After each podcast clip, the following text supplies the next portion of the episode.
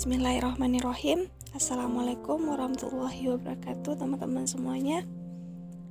Oke kali ini Kita bakal Bahas sedikit Mengenai Virus corona. Ya di sini kita bakal bahas Apa sih solusinya gitu.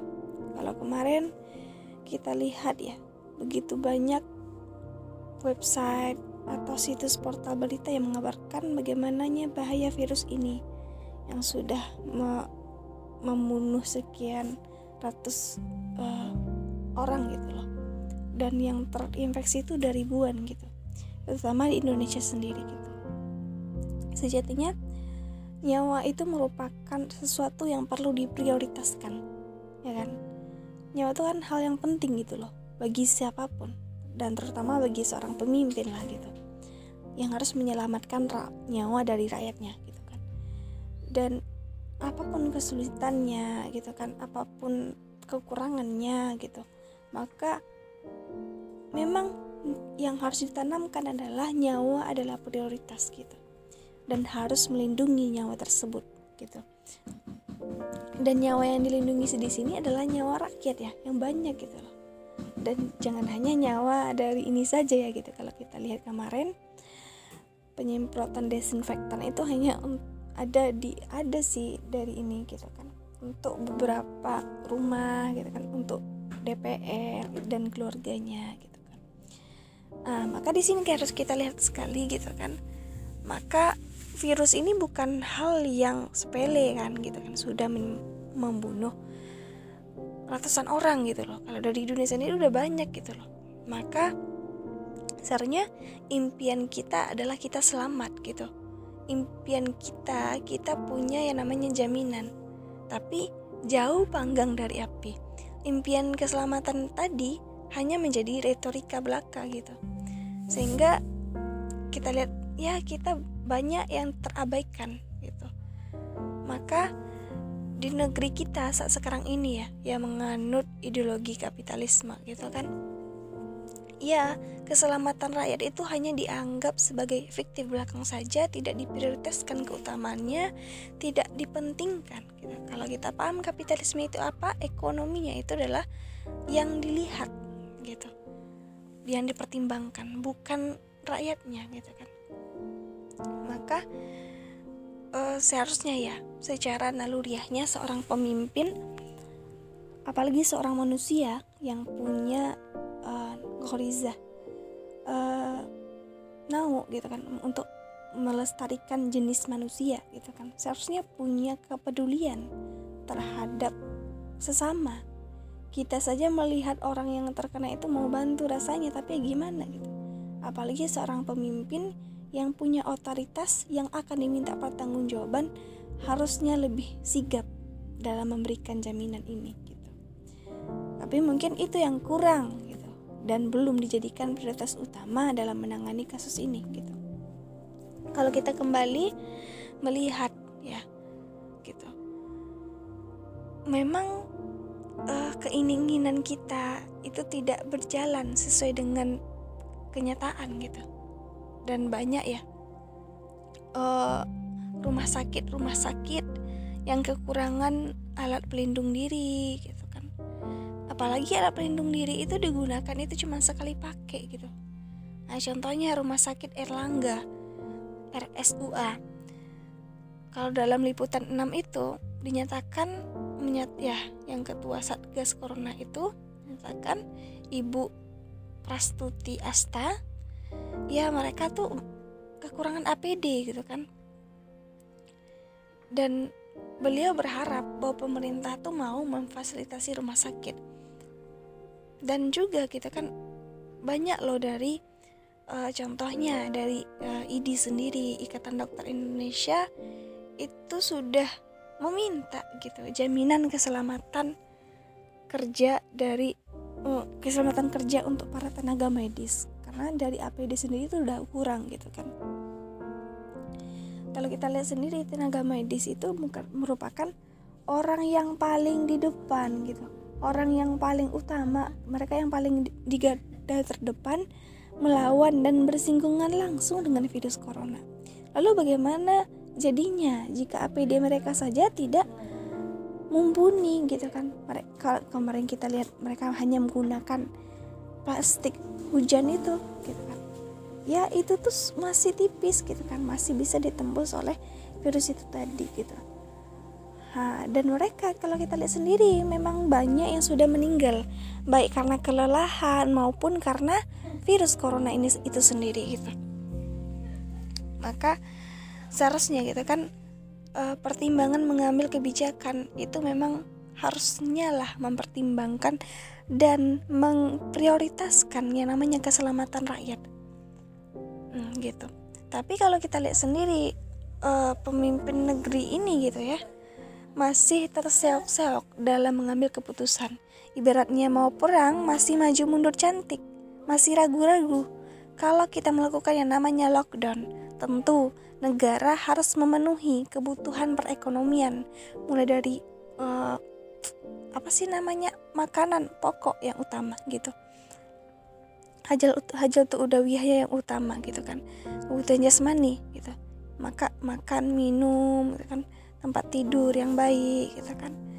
Dan mengisolasi diri. Tentu kalau kita isolasi tidak mengkarantina diri sendiri gitu kan. Tentu nggak ada berjalan yang namanya perekonomian.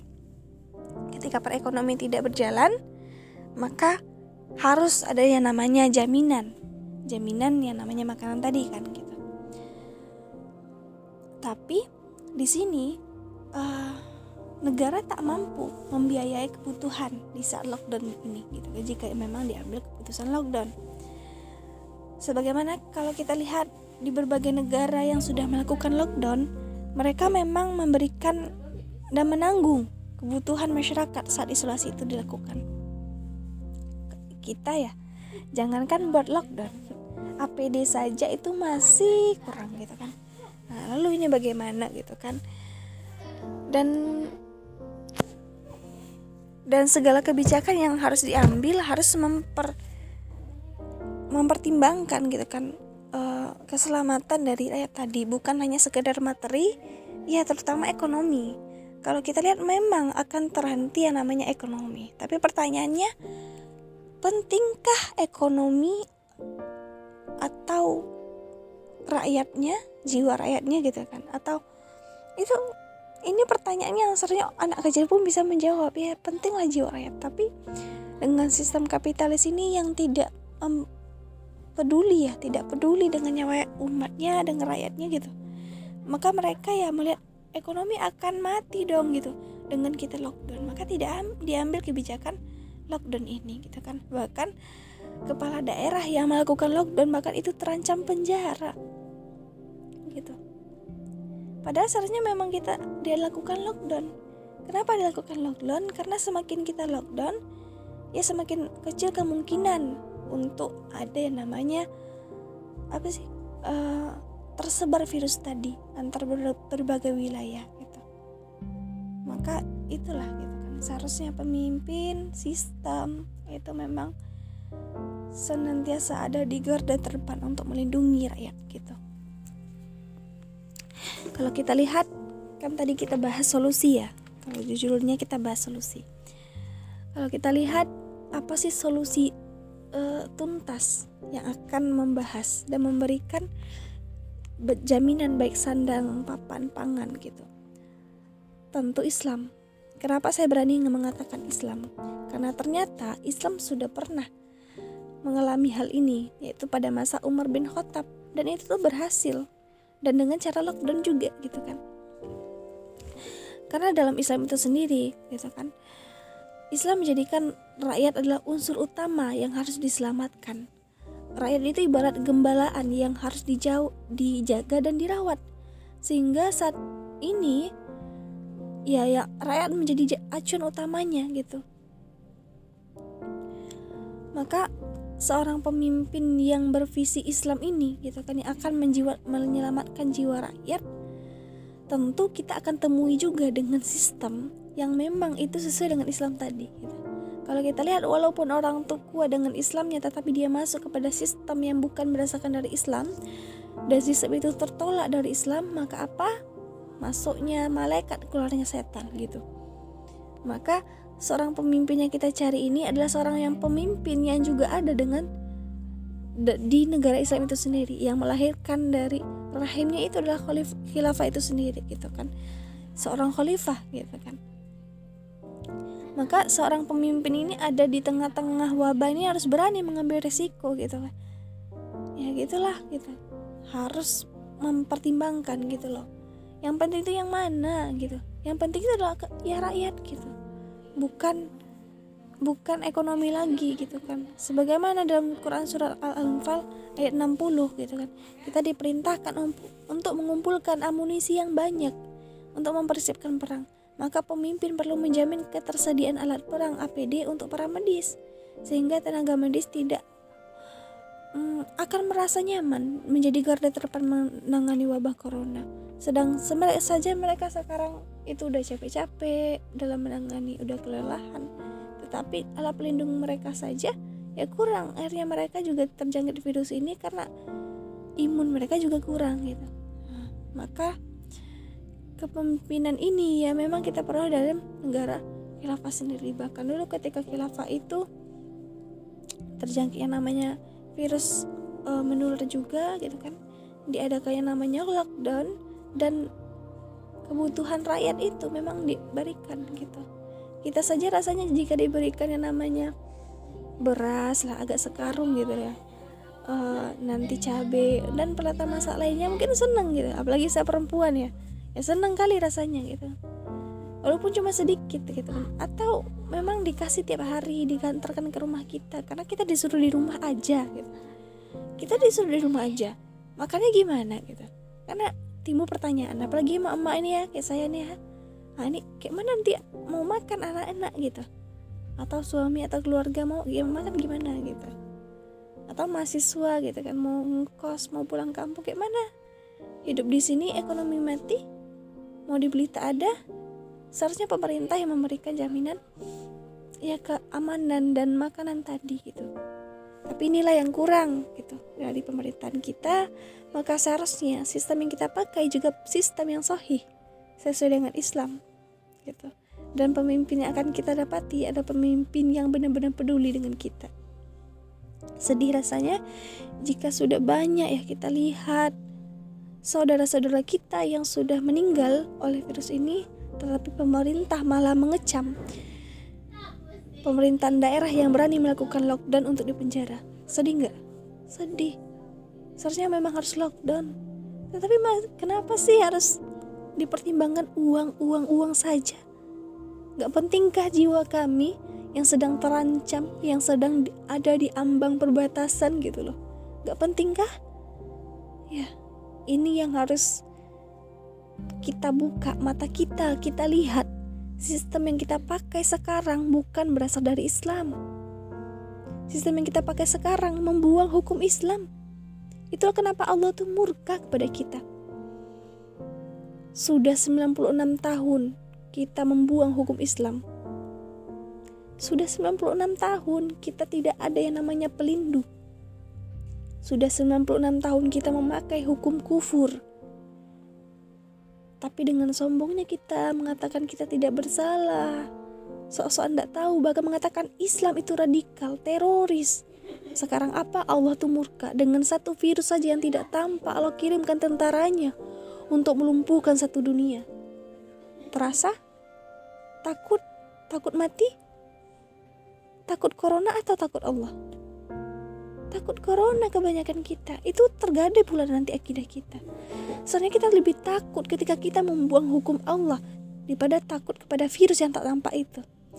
Virus itu juga makhluk Allah. Dia juga buatan Allah.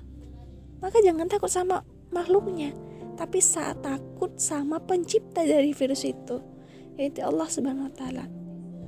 Maka dengan ada virus ini tentu harus mengingatkan kita kesalahan kita mengganti sistem ini dan setelah ini apa PR kita harus berjuang untuk menegakkan yang namanya negara tadi. Siap? Harus siap. Mau tidak mau harus mau. Itulah konsekuensi dari keimanan. Contohnya kamu masuk ke satu universitas, mau nggak mau harus turut peraturan harus ikut peraturan universitas itu ya sama seperti itu setelah kamu masuk Islam mau nggak mau harus ikut yang namanya aturan Allah aturan Islam. Karena itu konsekuensi dari keimanan. Mau lulus atau tidak mau lulus masuk surga. Kalau nggak lulus masuk neraka. Itu itu pilihannya sudah jelas Allah berikan. Tupoksinya itu apa? Ini apa ini apa? Tapi masih saja berkilah. Dalam hal negara ini apa aturan Islamnya? Ada khilafahnya ada khalifahnya ada negaranya. Masih saja sombong kita sebagai manusia gitu loh. Bagaimana ini gitu nah itu teman-teman ini sebagai pengingat kita. Pengingat kita sebagai manusia. Gitu. Ya teman-teman semuanya. Mungkin sekian saja, semoga ini memang membuka cakrawala kita, membuka mata hati kita.